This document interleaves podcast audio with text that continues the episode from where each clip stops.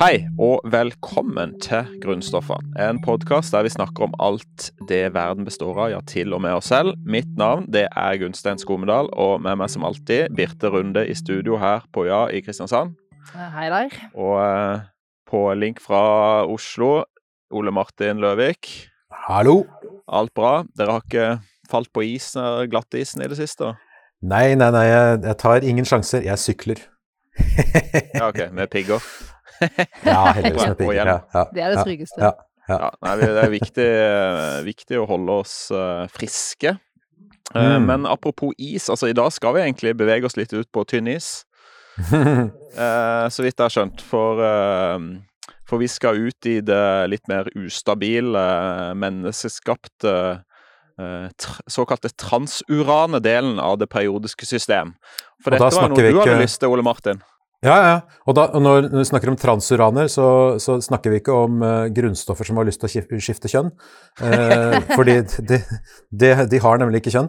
Uh, vi snakker om grunnstoffer som er forbi uran i periodetabellen. Og det er jo sånn at uran er det, det tyngste det, grunnstoffet, altså det grunnstoffet med flest protoner i kjernen, som eksisterer naturlig på, på jorda. Eh, og det, det blei jo oppdaga sånn i, i det der rushet med radioaktive materialer og sånn på begynnelsen av 1900-tallet. Uh, men så begynte man å finne ut at hvis man uh, bestrålte disse ja, uran og disse andre materialene som, som ligger i nærheten av uran i periodetabellen, så ganske langt nede, eh, så eh, plutselig så, så, så, så fikk man an, annen type stråling som kom ut av det. Og den, den strålingen som kom da, det var det vanskelig å forklare med annet enn at her har man lagd nye grunnstoffer. Og det fikk man bekrefta eh, på rekke og rad.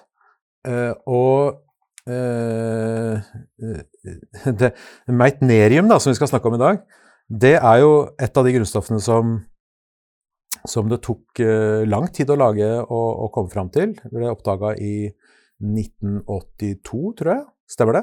Eh, Ja, vi er jo allerede, allerede inne på allerede i faktaboksen. fa faktaboksen. Ja. Ja, veldig fint det. Men du, Ja. Ole Martin, hvorfor, Ja. hvorfor, eh, hvorfor meitnerium? Det var jo du som hadde lyst til å snakke om meitneriumet. da. Var det noe... Det, altså, det er jo ganske mange transurane grunnstoffer. ja, ikke sant. Uh, Nei, altså dette meitnerium er jo langt ute i lista og, og nærmer seg egentlig slutten. Så, så nå vimser vi nå voldsomt i periodetabellen her. Skikkelig detour. ja. Men, Hva- eh, hva tenker du, Birte? Jo, jeg bare tenker litt Jeg bare hang meg litt opp i det derre transurane Urane, ja. eh, Hva betyr det egentlig? At det er noe transurant? Ja, det er at, rett og slett at det er eh, eh, grunnstoffer som har eh, høyere atomtall enn uran. Uh, og uran eh, er det som, som ligger, ligger på en måte lengst i, i, i periodetabellen, sånn med tanke på, eh, på antall protoner, eh, hvor du eh, starter eh, fra 1 ikke sant, og går opp til eh, 118, og så har du uran som 92 er den som har flest protoner i kjernen. Det er det som Så alt fra 93 oppover, det er liksom Det er- ja. okay, så, Ja. men, men det jeg forbinder med uran, bare for å snakke litt om uran, det er litt Mm. sånn der eh, ja, James Bond-filmer og sånn ja, liksom Jakten på viktig stoff eh, som de trenger til ulike ting. Er det er helt Mhm. på villspor her, eller? Ja da. Og det, uran brukes jo i kjernekraftverk ikke sant? Og, og i atombomber. Og, og, og, grunnen til at det gjør det, er at det er et radioaktivt uh, grunnstoff. Og radioaktive grunnstoffer det finnes det jo mange av. Um, mange fins naturlig. Eh, men alle som, eh, som er tyngre enn eh, uran, altså som er, eh, som er etter 92 i periodetabellen, de er så ustabile at uh, sjøl om de blei da laga i den derre stjernetåka som, eh, som eh, solsystemet vårt blei uh, oppsto ut fra, så, uh, så er de borte for lengst. Fordi de har eh, det, det, en kort som vi kaller halveringstid. Så sjøl om det ble lagd et tonn av det, så hvis halveringstiden liksom er eh, eh, er et år, da, så er det etter et år så er det bare et halvt tonn igjen. Og etter, etter to, to, år så er det et kvart tonn igjen, osv. Og, og så når du kommer et, noen tusen år, eller millioner eller milliarder år, så er det absolutt ingenting igjen. Så meitnerium, det er litt sånn Det fins ikke. Kortvar, veldig, veldig kortvarig moro. Eh, det fins absolutt ikke uh, naturlig i det hele tatt. Så det er det som vi kaller for eh, et av de syntetiske grunnstoffene, rett og slett. Men du, eh, ja, jeg gleder meg til å høre mer om det, hva det brukes til. Egentlig. Ja, for jeg har faktisk med mm. også i forhold til dette med, med atom, uh, ustabile atomer. Så har jeg med et lite eksperiment, eksperiment til deg som du skal prøve deg på etterpå. Ja, gøy. Uh, det involverer uh, nok ikke enkelt atomkjerner og radioaktive grunnstoffer. Men vi skal se litt på prinsippet da, med litt enkle hjelpemidler. Men det tenker jeg vi kan ta litt seinere. For først, ja. vi, altså i dag Vi må jo til dagens gjest. Ja. og den gjesten, den lever jo dessverre ikke lenger. Nei, og det, det, er vel kanskje grunnen til at det var meitnerium som, eh, som ble valgt som grunnstoff. For, for, eh, for eh, jeg tenkte ok, hvis vi nå skal først begynne med et transuran, så la oss ta et som har et fint navn. Og meitnerium syns jeg er veldig fint. Det er, det er veldig i tiden nå, for det er oppkalt etter Lise Meitner. Som eh, var, med, som var en av de pionerene i oppdagelsen av grunnstoffer, og som var med å forstå de prosessene når uh, Atomfysikk. At, ja, ikke sant? Når, når atomkjernene når, hva, hva, som skjer når de uh, spaltes, altså fisjon, og til dels også når de, når de smelter sammen, uh, altså fusjon. Og meitnerium det er et grunnstoff som, som altså ikke finnes naturlig på jorda. Men det går an å lage det. Og det gjøres ved rett og slett å smelte sammen mindre atomkjerner til en stor atomkjerne. Har, dere, du, har du sett uh, Oppenheimer-filmen, forresten? Ja. Vi, for vi er litt inne i filmens verden der, og han uh, Oppenheimer, Har du sett den, Birte? Nei, den står på lista. Den ja. har jeg tenkt å se. Den, den, må jo alle som, eh, som, er glad i grunnstoffene på et eller annet tidspunkt se. For vi, Du snakka om uran i stad, og dette med den enorme energien som finnes i, i, eh, i atomkjernene.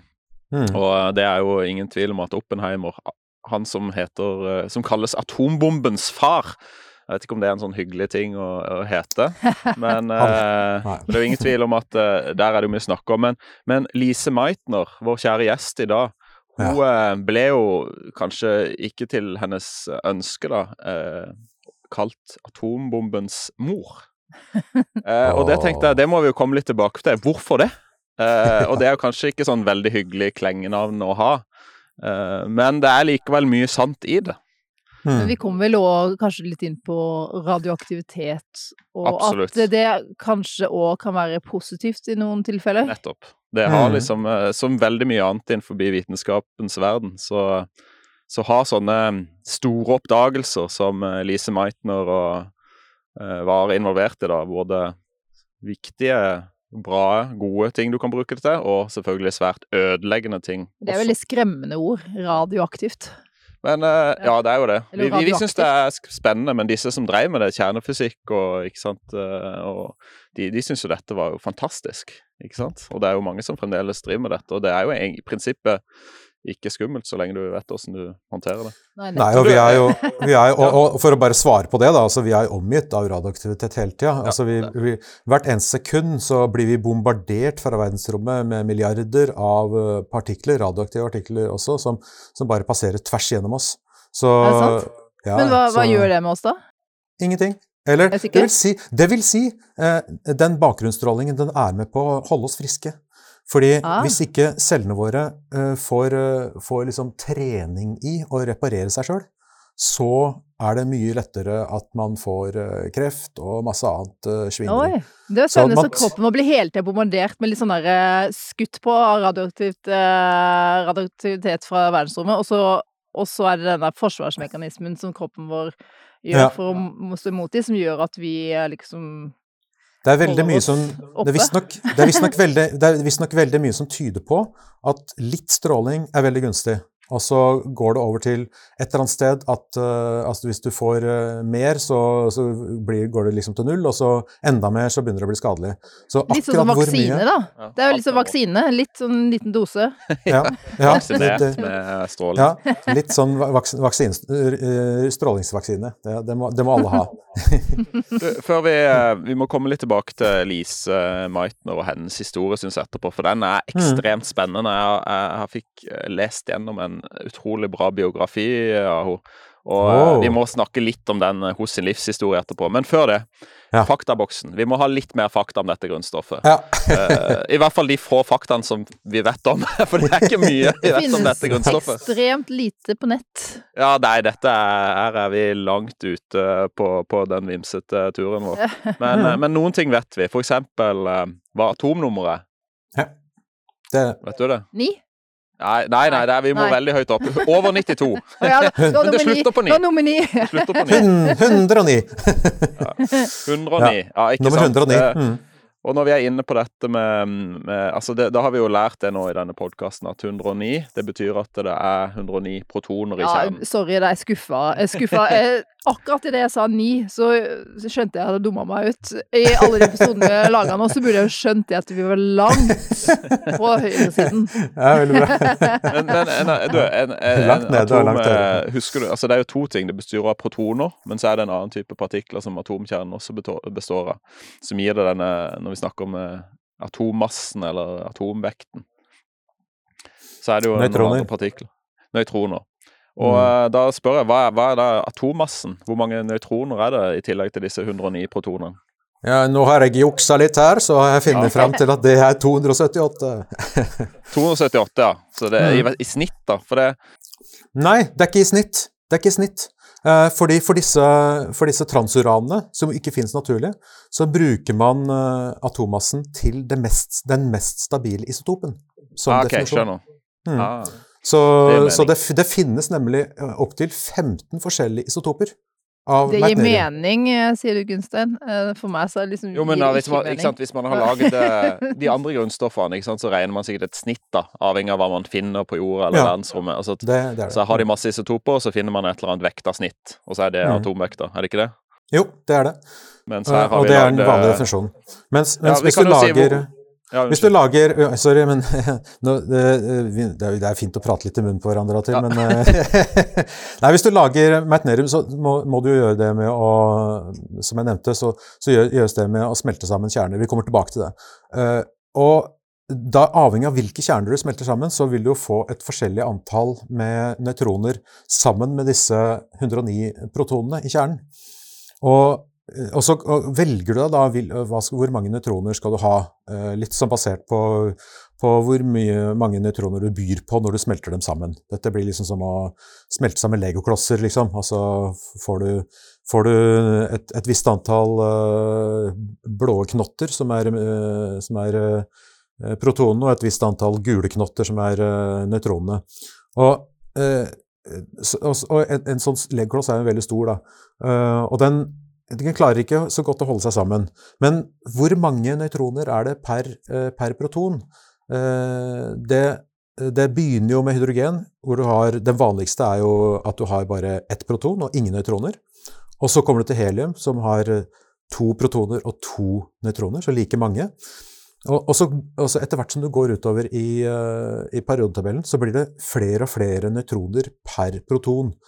Uh, og når du har kommet opp til 109 her, så er det sånn at uh, uh, atomvekten er 278. Det betyr at det er 169 nøytroner på bare 109 protoner.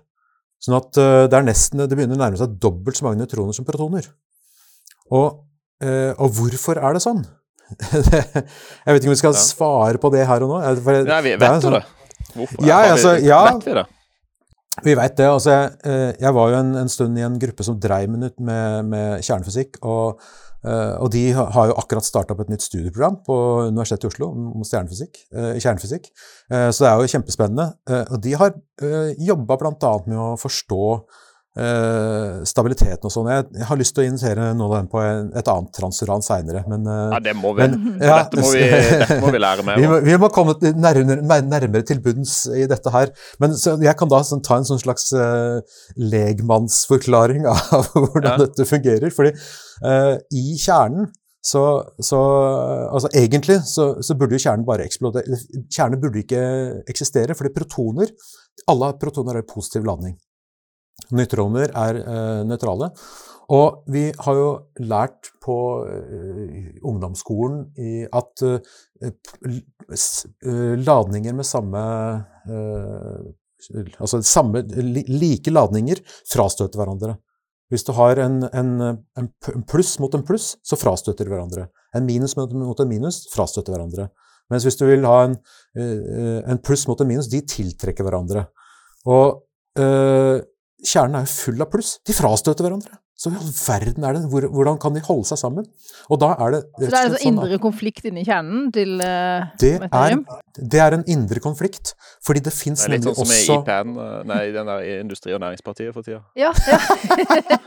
De har nådd en eller annen kritisk masse Der- der det er såpass mye pluss at nå begynner det å bli ustabilt. Det er veldig morsomt. Man kan trekke grunn... Det er utrolig mye man kan trekke periodiske systemer og grunnstoffene inn i vanlige livet her. Ja, pol politikk. Her er det samme politikk. Er politikk på høyt nivå eller lavt nivå, alt etter som man ser det. Og det og, og kjernefysisk nivå. Ja, og, og det som er greia med, med, med disse, disse kjernene, da, er at, er at eh, protonene eh, og nøytronene har ikke bare ladning, de, har, de, er, de er også kjernepartikler, og de tiltrekker hverandre. Det fins en kjernekraft som er tiltrekkende, eh, som virker på veldig kort avstand. Akkurat passe kort avstand til at, at disse kjernepartiklene kan holde seg sammen inne i kjernen. Og dermed så holdes den sammen. Den er veldig sterk, den kjernekraften, men den er ikke så sterk at den klarer å holde på, holde, liksom, uh, ta hånd om hundrevis av uh, protoner med motsatt landing. Den klarer liksom akkurat 92 til en viss grad. ja, den klarer ikke det engang, fordi uran er faktisk også, altså Alle isotopene av uran er radioaktive. Så på en måte burde de ikke eksistert. Men den som har lengst levetid i uran, har en eh, levetid på eh, 4,5 milliarder år.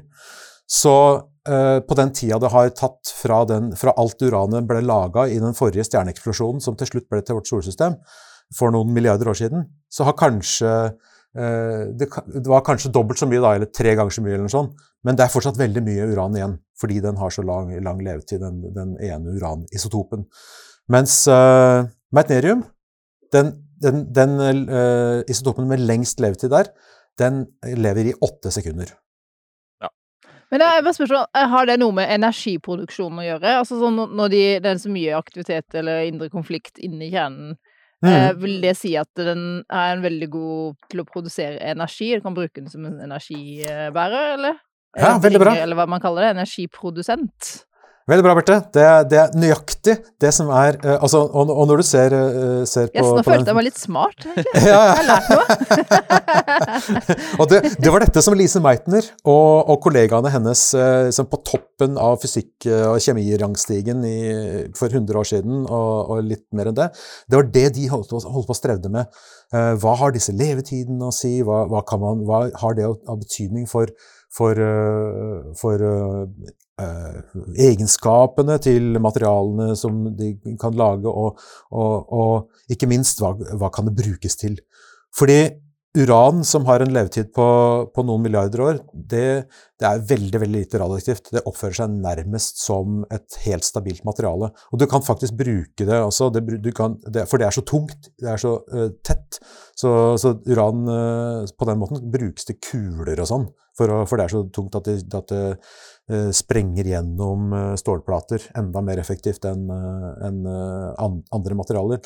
Mens det er 238-isotopen av uran som er så stabil. Mens eh, 235-isotopen, som er sånn passe stabil, den brukes i kjernekraftverk. Men den er det veldig lite av. Men det, dette må vi komme tilbake til. altså når vi kommer til Ja, dette må vi ta i en annen episode. Ja, Men, men du, altså, vi må bare et par fakta til. Um, du nevnte jo 1982 eh, som eh, da, da, dette ble på en måte første gang oppdaga eller produsert, dette grunnstoffet. mm, Eh, Altså, hva var det som skjedde? Hva, hva ble gjort? Hvordan greide de Altså, hvis det er så sykt ustabilt, hvordan i huleste greier man å lage det? Og hvordan Hvis det varer i åtte sekunder, da? Mm. Åssen er det mulig, på en måte? Hva er det de gjorde i 1982? Hva er det som skjedde da? For det var jo ikke bare Meitnerium som kom da. Da plutselig ramla det ut en haug med andre grunnstoffer òg. Mm. Ja, var det første av en lang serie med grunnstoffer. Derfor er det jo litt mer interessant enn andre. Og det er rett og slett Det, det, de, det de kom på da, i, i Darmstadt, var dette her i Tyskland i 1982. Da var det, var det to stykker som het eh, Peter Armbruster og Gottfried Munzenbeer, eller et eller annet sånt, som, som de hadde eh, De hadde en lab, en sånn tungionelab. eh, Og det de kom de hadde, de, hadde, de hadde fått en sånn genial idé, og det var at istedenfor å, å skyte på uran og naboene nedenfor uran med, med alfastråler og betastråler og sånn, sånn at de fisjonerte, altså at de ble, ble spalta, hva med å eh, prøve å smelte sammen to ganske store, men litt mindre kjerner, sånn at eh, de til sammen kan bli en enda større kjerne. Og det lyktes de med, og rapp, rapp, rapporterte det i 1982. da.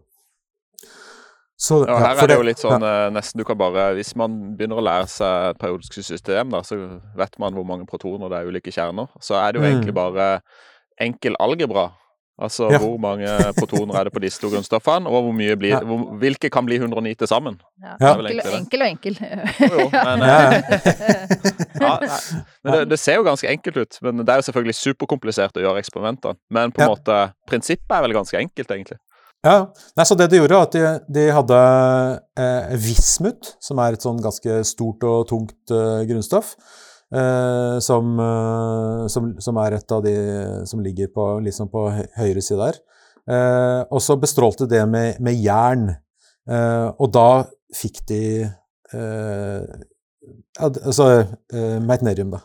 og, og med en isotop som kanskje ikke var så veldig stabil, så fikk man flere stabile seinere. Så, så det, dette var jo på en måte begynnelsen av en helt sånn ny æra innen oppdagelse av grunnstoffer. Da bare, da bare eksploderte det med nye grunnstoffer igjen, etter at det hadde vært litt sånn stillstand en stund.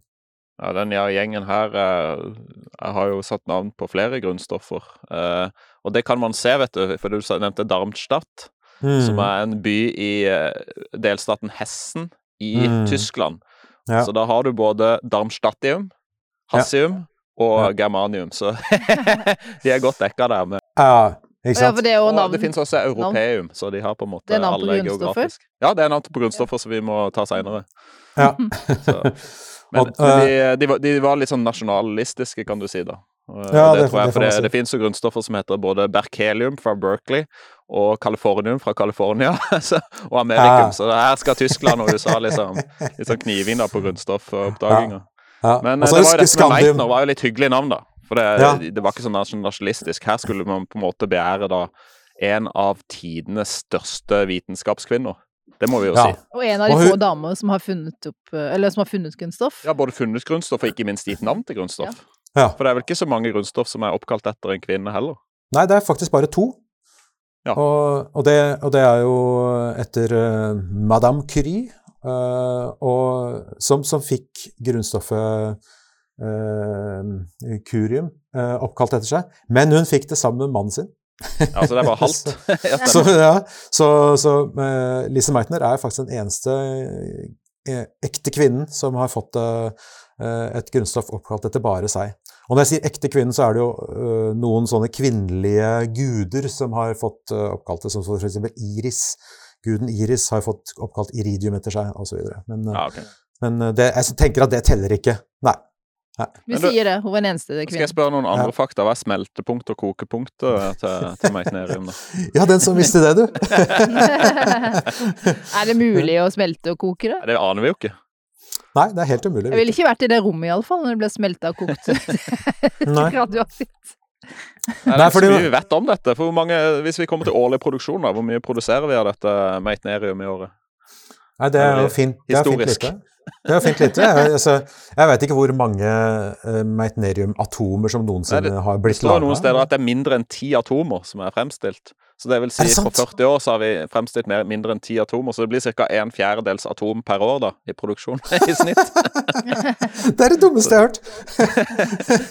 Så det, det er ikke sånn voldsom eh, produksjon. Her, så her må vi skjerpe oss. skal vi? Ja, det er det, det, det er vel ikke det jeg skal produsere her i dag? Nei, det skal, nei, nei, absolutt ikke. Det, det, det skal du slippe.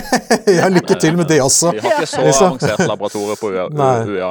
Å bom bombardere jern- mot uh, Vismut uh, target, liksom. Det, det, er, det gjør du ikke i bakgården på et uh, middels uh, norsk universitet, altså. Så, ikke sant? Når vi også snakker om hvor mye det av dette universet på jorda og sånn, så er det jo egentlig da null. Null?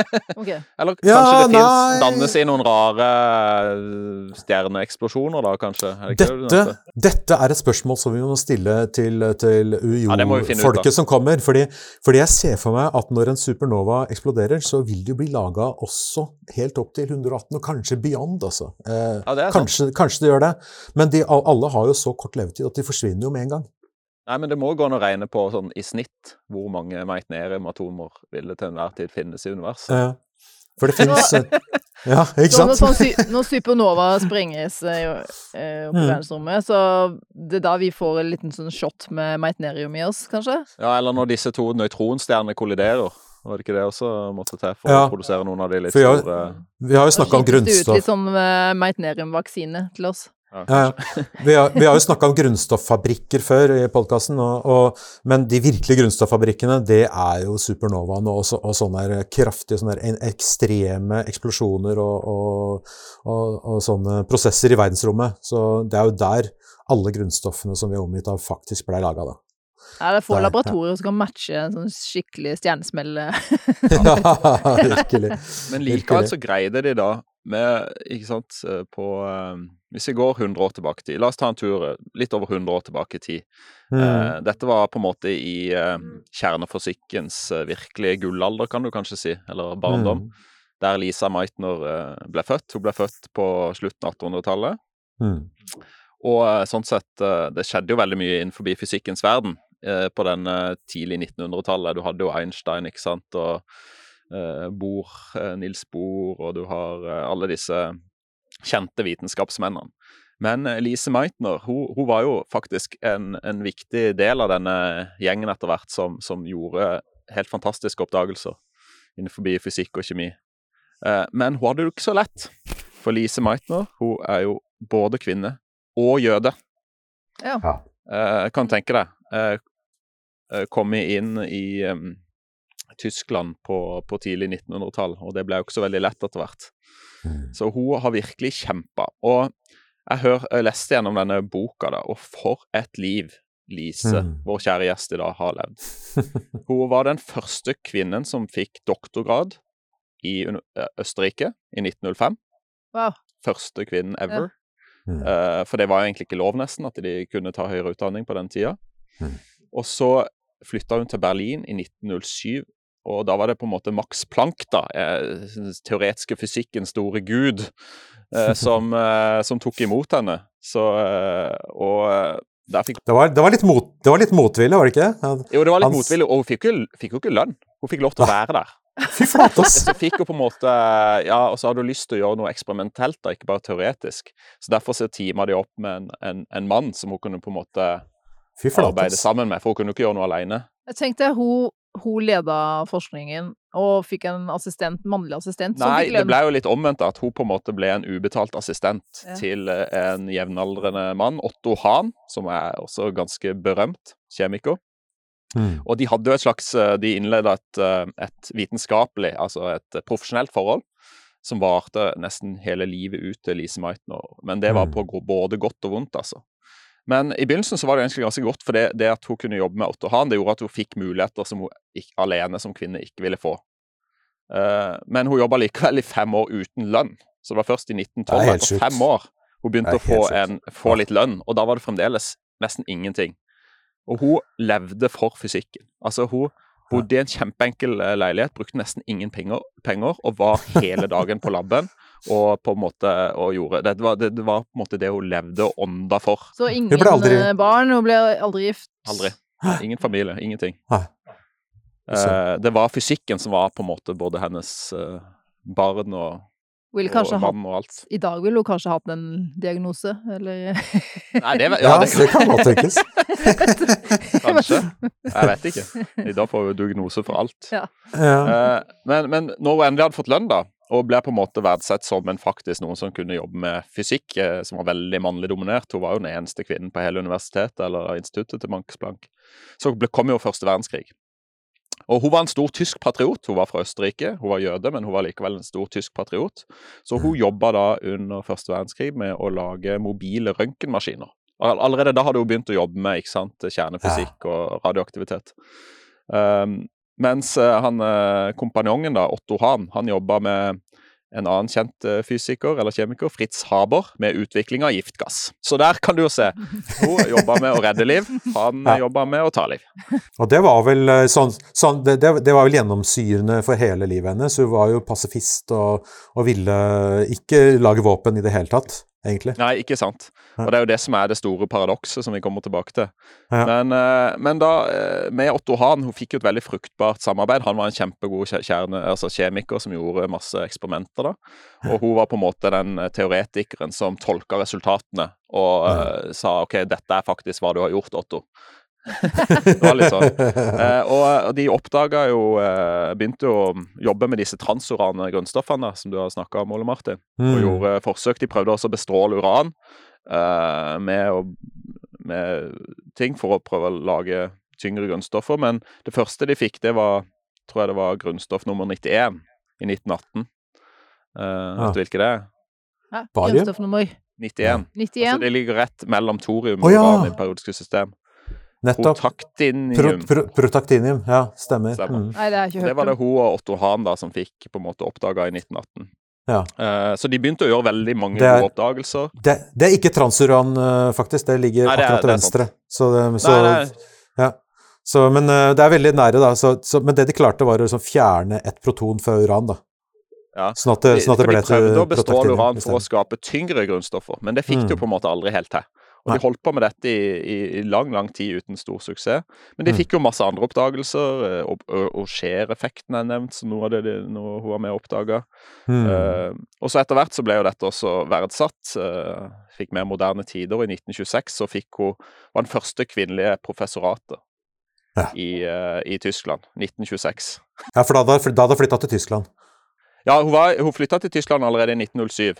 Ja, til. Berlin. Og hun Mm. var i Berlin i, eh, helt fram til eh, andre verdenskrig. For i 1933 så kom jo Hitler til makta, ikke sant? Ja. Og omtrent samtidig så, så eh, kom dette med transurane grunnstoffer, fordi Enrico Fermi tror jeg bestrålte uran med nøytroner.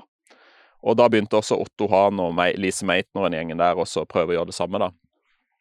Uh, så dette var da i mellomkrigstida. Og hun trodde hun var trygg, ikke sant, som østerriker i Tyskland. Så tenkte hun ok, den krigen har ikke, eller den, dette med Hitler har ikke så mye som er. Det begynte å bli litt uro, fordi de var ikke så veldig glad i jøder, men hun tenkte det gikk greit. Men når Hitler da annekterte Østerrike i 1938, så var hun plutselig statsløs. Mm. Hun var hun kunne, hun, altså, eh, Og som jøde så fikk hun ikke statsborger, eh, statsborgerskap, eller hva skal jeg kalle det, i Mm. verken Tyskland eller Østerrike. Så plutselig sto hun der, helt statsløs, tidlig i Mm. 1938.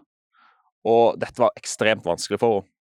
Det er grunnen Og til at uh, det, det- har blitt en eh, strid på mot folkeretten. Altså Folkeretten ble oppretta etter annen verdenskrig, ikke sant. Og det å ha statsborgerskap er en menneskerettighet. Og det, det uh, brøt jo Hitler-regimet mot, for å si det sånn. Ja, ikke sant? Uten å Og nevne hun var en av de som da mista statsborgerskap. Hun, Mm. hun kunne liksom ikke gjøre noen ting, da. Mm.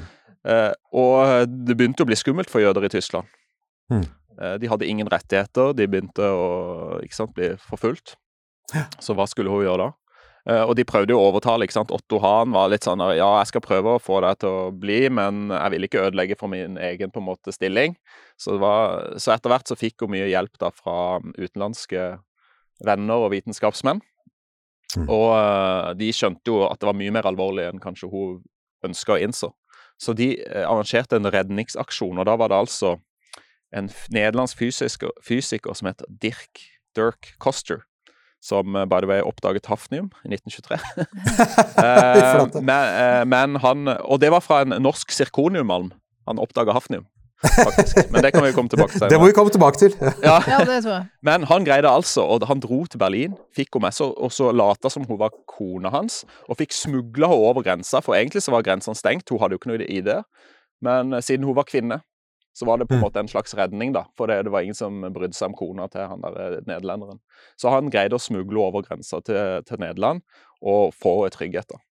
Eh, Men vil jeg si at eh, da hun fant grunnstoffet, så var hun nederlender, eller? Ja, for det Nei, hun har jo funnet grunnstoffer tidligere nå. Og det som skjer nå, det var jo at han Koster han har også fått eh, Altså, han oppdaga hafnium, men det er mange som mener at det største vitenskapelige bidraget han noensinne har gjort, det var å redde Lise Meitner fra Nazi-Tyskland. Ja, Det var større enn å oppdage et grunnstoff, og det er ikke tull engang. Ja, For hva skjedde kort tid etterpå? Hun havna først i Sverige, men mistrivdes egentlig der. Og hun bodde jo der under krigen, og til hun døde nesten. Um, men hun hadde veldig tett forhold til eh, Nils Bohr og var mye i København. Og en av disse gangene så um, eh, Og i mellomtida her så holdt hun på å brevveksle fremdeles med Otto Hahn, som var igjen i Berlin. Eh, og de begynte å få veldig mye sære resultater, på en måte. De drev og bombarderte eh, uran med nøytroner eller noe sånt, ikke sant? Og, men de skjønte, greide ikke å tolke. For det så ut som de danna noe sånn barium og ikke sant? De fikk ikke tyngre grunnstoffer, de fikk lettere grunnstoffer. Hva søren var det som skjedde? Det var ingen som skjønte hva som skjedde. Fordi Eh, bar, barium har jo, eh, nummer, er nummer 56, så er Ja, 56 protoner i kjernen, mens uran Du starter med 92, så får du 56. Hva pokker skjer? Hva pokker skjer? ikke sant? Det var ingen som skjønte dette. Otto Hahn skrev brev og eh, var i ferd med å publisere ok, hva er det egentlig som skjer her. Men det var da Lisa Meitner og hennes nevø, som heter Otto Frisch, som også er en kjent fysiker, Mm. eh, de had, Tilfeldigvis så møttes de under jula i 1938.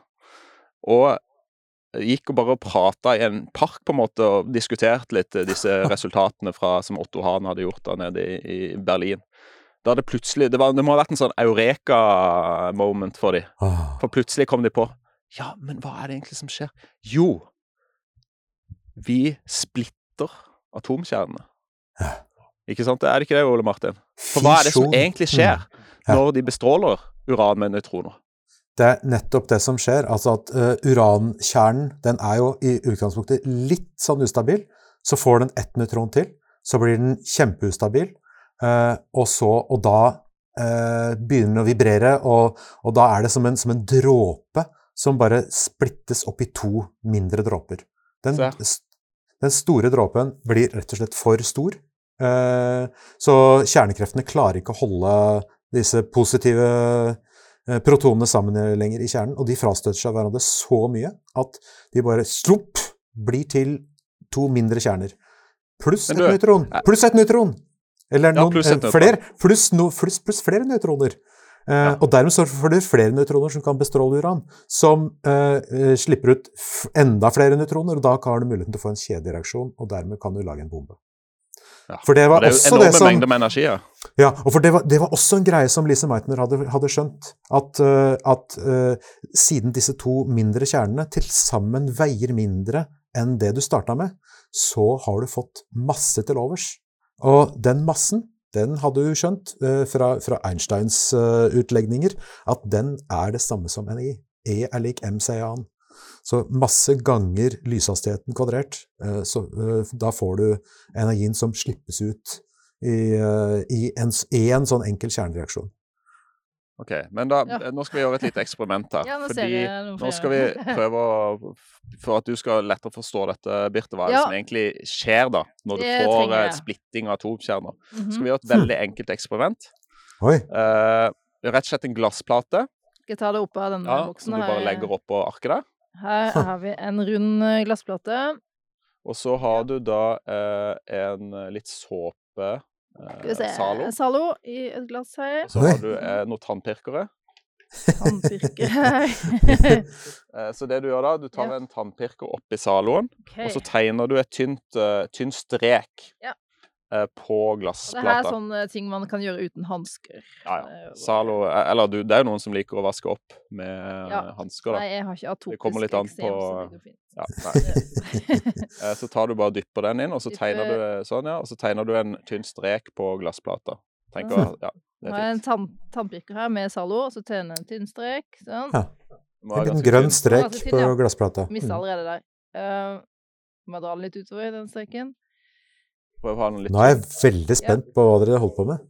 Nå tegner Er det- jeg en Zalo-strek på ei glassplate.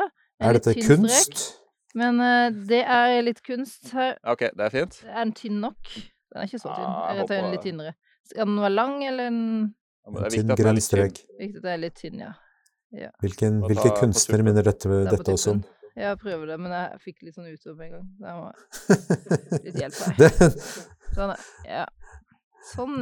jeg, jeg ser omtrent like mye til den glassplata som, som lytterne, for, altså, for å si det sånn, men det, det, jeg syns det vi legger ut alle jeg sånn- eksperimentene på uh, YouTube og på Facebook-siden vår. Oh, ja, Så da er det mulig å se eksperimentene der. det var ikke dumt. Ja. Ok, Så nå lar vi den tørke litt imens, så kan du ta opp litt eh, konditorfarge. Kan du velge hvilken farge du vil ha. Skal vi se, her har vi da en grønn, og en rød og en blå. Det er sånne glassflasker synes, med kanskje veldig blå er kraftig litt farge, gøy, da. ser det ut som. Ja. Da har vi litt blå Mm. konditorfarge. Oppi en liten bolle her. Ja. Jeg drypper jeg litt eh, hvor mange Og dette skal altså bli ha? kjernefysikk? Ja, nei, det Altså, det, det, det, tingen er at du nevnte dette med å, å splitte en dråpe vann, og det var jo faktisk, Ja. sånn som jeg skjønte da, at de, de brukte en slags modell av en inkompressibel væske. En slags Mm. dråpe, og hvordan man Ja. splitter den da med å skyte ting på den.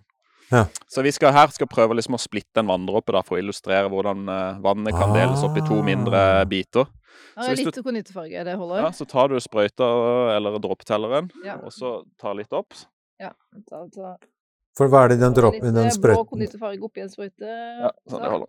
Holder. Og så tar du det forsiktig eh, rett foran tuppen på denne streken med såpe. Du må ta det litt foran, sånn at den ikke er innat. Sånn foran. Så tar du en eh, dråpe. En li, så lite som mulig. Ja, og så nå skal du prøve å slide den dråpen, da. Ja. eh, over eh, Skal jeg, nå har jeg tatt en bl- dråpe med konditorfarge foran den tynne streken. Og så skal du prøve å så, la den renne mot den, streken. den- eh, Da tiltrer den eh, jeg den glassplata litt, og så Mot skal streken. mot streken. Mhm. Og da får du en, en rennende dråpe på glassflate. Så en rennende blå Sånn. dråpe Ja. Nå, som renner mot en grønn, et Ja, grønt nå- sverd. Ja, Er nettopp. Et salosverd? Det som skjedde nå, det var jo at du fikk Nå rente den bare på den ene sida. Ja. Kanskje vi bomma litt med den. Og det er akkurat det som skjer i sånne kjernefysikkeksperimenter også. Det er bare en veldig liten andel av de der eh, salosverdene som treffer kjernen. Eller det, hvis, du, hvis, du, hvis du sender nøytroner inn mot eh, uran, så er det innfangningssannsynligheten er veldig liten. Så nå har mange atomer, mange, det er mange kjerner, for at det skal få Men jeg få aner ikke hva jeg holder på med. Um, For å forklare det. Altså, poenget var jo liksom at hvordan splitter man en dråpe? Å ja. mm. Så, så det, du har, det har du for så vidt gjort her. Du ja, har det eh, ser jeg. Dråpen er blitt splitta splitta i to. i to, ja. Ja. Eh, for den deler seg når den møter på en måte Mm. eh, nøytroner, eller eh, i dette tilfellet såpen, som den Ja. ikke er, så, så, så brukes det på en måte som et spyd som splitter atomet i to ulike deler, da, i dette okay, tilfellet. så Zalo Så og en stor, eh, en stor dråpe blir til to små, og det er det samme som skjer når du skyter nøytroner da, på en, en, stjer, en kjerne, gjør den ustabil, og så deler den seg i to mindre deler. ja. Ja. Pluss litt energi. Det er litt Mm. forskjellige krefter, bare. Du har overflatespenninga som holder Ja. dråpen sammen, mens eh, i kjernen så er det jo kjernekraften som holder eh, kjernene sammen. Så kjernepartiklene sammen. Protonene og nøytronene. Så, men Ja. eh, det er jo et litt vakkert, fargerikt bilde. På Det er, hvordan, sånn, det er sånn det funker. ja, og det som er litt spesielt, da, her, her. For det du nevnte dette med energi, ikke sant, og Ja. det som er den store forskjellen når du gjør dette, her blir jo på en måte alt bevart av energi eh, Mm. i systemet, på en måte. Dråpene deler seg fullstendig, og det er like mange atomer med vann, eller hydrogen og oksygen, i hver på en måte dråpedel som det var i den totale dråpen. Mm. Mens i, som du nevnte, da, når du splitter en atomkjerne, så var det jo det Otto Frisch og Lise Meitner da skjønte at her frigis det masse energi. Jeg tror det var 200 megaelektronvolt per eh, på en måte eh, fisjonering av eh, urankjernen. Mm. Noe som tilsvarer da Mega i million. 82 gigajoule per gram uran. Milliarder. 22 273 kWt per gram uran. Eh, altså hele ditt eh, forbruk av strøm i et hus på ett gram uran. Ja. Ja. Som frigis av energi. Men det som Det jeg er sitter igjen med her, eh, egentlig, det er Jeg skjønner godt at hun måtte vie livet sitt til vitenskapen for å finne ut av de tingene der. Eller hvordan, hvordan folk har via livet sitt til vitenskapen. De har ikke tid til å så lage middag og ha barn og holde på med alle de tingene der, hvis du skal finne ut av de der ekstremt kompliserte tingene der. Mm. På, den, på den tida så Ja. Ja, på den tida så måtte man jo velge, ikke sant. Det var ikke mulig å ha, både, både være mor og eh, drive med vitenskap. Nei, du kan ikke kombinere det. Du kan ikke bare jobbe litt. Det kan vi heldigvis gjøre i våre tider. Ja. Så jeg tror de fleste store oppdagelser er gjort av folk som også har et familieliv. Jeg håper iallfall hvert det. Ja, jeg tror I, I moderne tider. Jeg tror det. Men Det det er er, litt sånn er det, er det flere sånn veldig store oppdagelser å gjøre igjen? Nei, det er jo et godt spørsmål. da. Ja, jeg tror det. Det er litt trist. Er alt gjort? Nei, jeg tror at det er mange, mye mer å gjøre. Men det er en helt annen diskusjon. Uh, det, ja. Uh, men eh, men eh, det, eh, hvis, altså, eh, tilbake til Lise Meitner, da. Så, så Du nevnte jo at hun, var, at hun flytta til Sverige. Og hun bodde jo der såpass lenge at uh, hun blei jo svensk statsborger. Så at dette er også et svensk grunnstoff! Nei, så Nei, dårlig gjort, altså. det kunne både vært nederlandsk og østerriksk og tysk. Ja. Det kjipeste av alt er jo at hun har ikke veldig godt mottatt i Sverige. Det, hun mistrivdes faktisk der. Ja, til å Hun fikk begynne liksom med. ikke gjøre så mye. Ja, iallfall Til i å begynne med. Ja, altså, men så etter hvert så fikk jeg professorat og jobba på KTH, så Kongelige tekniske høgskolen og så videre, så det var helt ok. Men, eh, men hun flytta jo til slutt til eh, England, var det ikke det?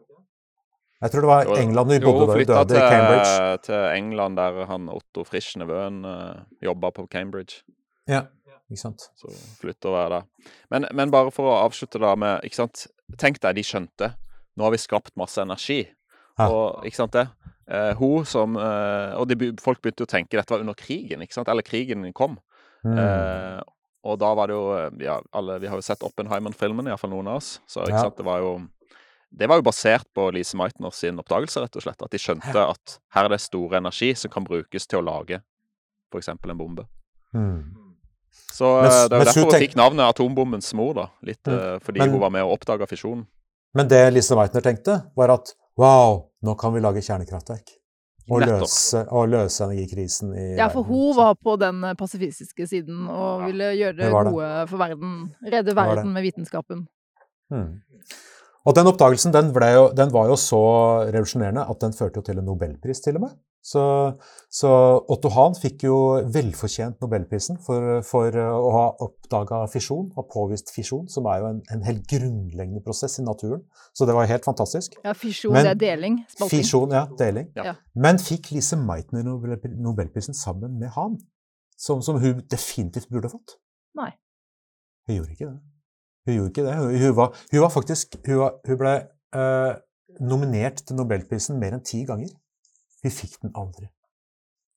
Mm. Det er jo Det tenker jeg altså Det eh, var en skamplett, på en måte. Ubetalte Ja, det er assistenten som gjorde all jobben og oppdagelsen, og fikk ingen ære.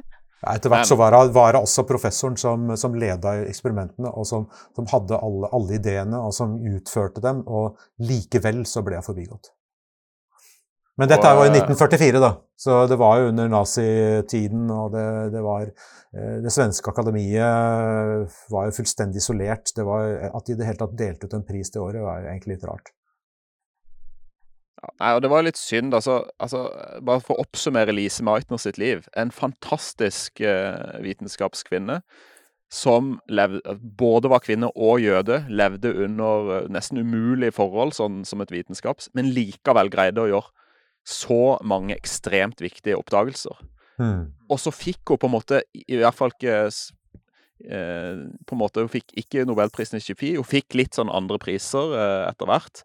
Men likevel, eh, man føler på en måte at uh, hun har blitt urettferdig behandla gjennom et Mm. helt liv.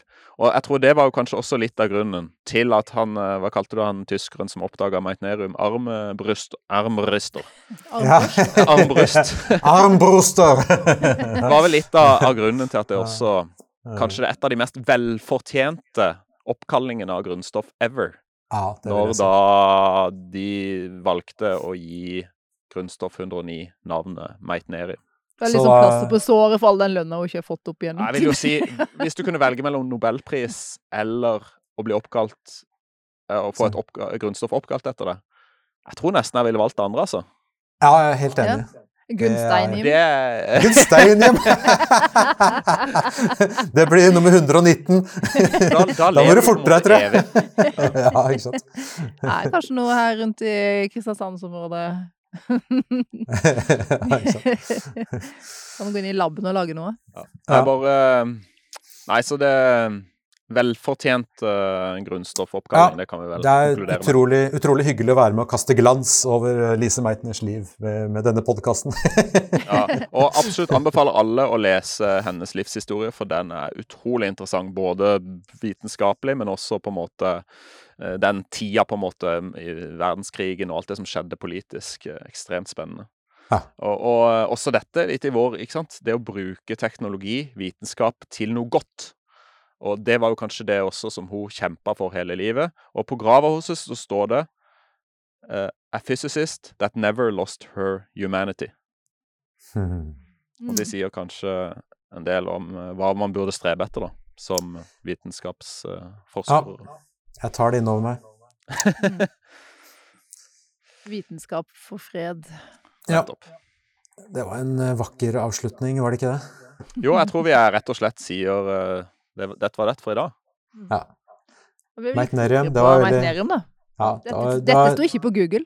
Nei, det det, det var overraskende uh, spennende å lære litt om meitnerium og det som, som er rundt det. Det må jeg si. Ja, det er, det er sånn at nesten gleder seg til neste transurane grunnstoff. Ja, absolutt. Men vi får se om vi kanskje skal gå til en litt sånn tryggere eh, farvann. eh, Neste gang må vi ha noe, noe, mer, mer, noe mer i eh, Litt sånn tryggere gruver. ja, Vi får se. main, mainstream grunnstoff. grunnstoff. Ja, vi får, vi får gjøre det. Mhm. Men du eh, Da får jeg bare takke for i dag, da. Det var artig å snakke om meitnerium, som du sier, Ole Martin. Ja. Ja, det er morsomt å lære om, eh, om både vitenskapens eh, måte, miljø og ja, hvordan man måte streber for å finne grunnstoff Mm. ja. Det er mange spennende historier som er gjemt. berømmelse og ikke ære og berømmelse. Mm. Ja. Jeg håper også du som lytter eh, satte pris på dette dypdykket inn i eh, et av våre mest ustabile grunnstoffers eh, verden. Eh, vi setter eh, som alltid veldig stor pris på tilbakemeldinger, så det er bare å sende på mail. Eh, ta gjerne og lik og gi noe rating til podkasten, sånn at den kan spres eh, videre. Hvis du vil at flere skal høre på dette, som om du kjenner folk, så er det bare å spre det videre. Og så ja, ses vi vel igjen snart da, til et nytt, litt mer stabilt grunnstoff. Absolutt. Ok. Ok, ha det bra. Takk for i dag. Ha det. Takk for i dag.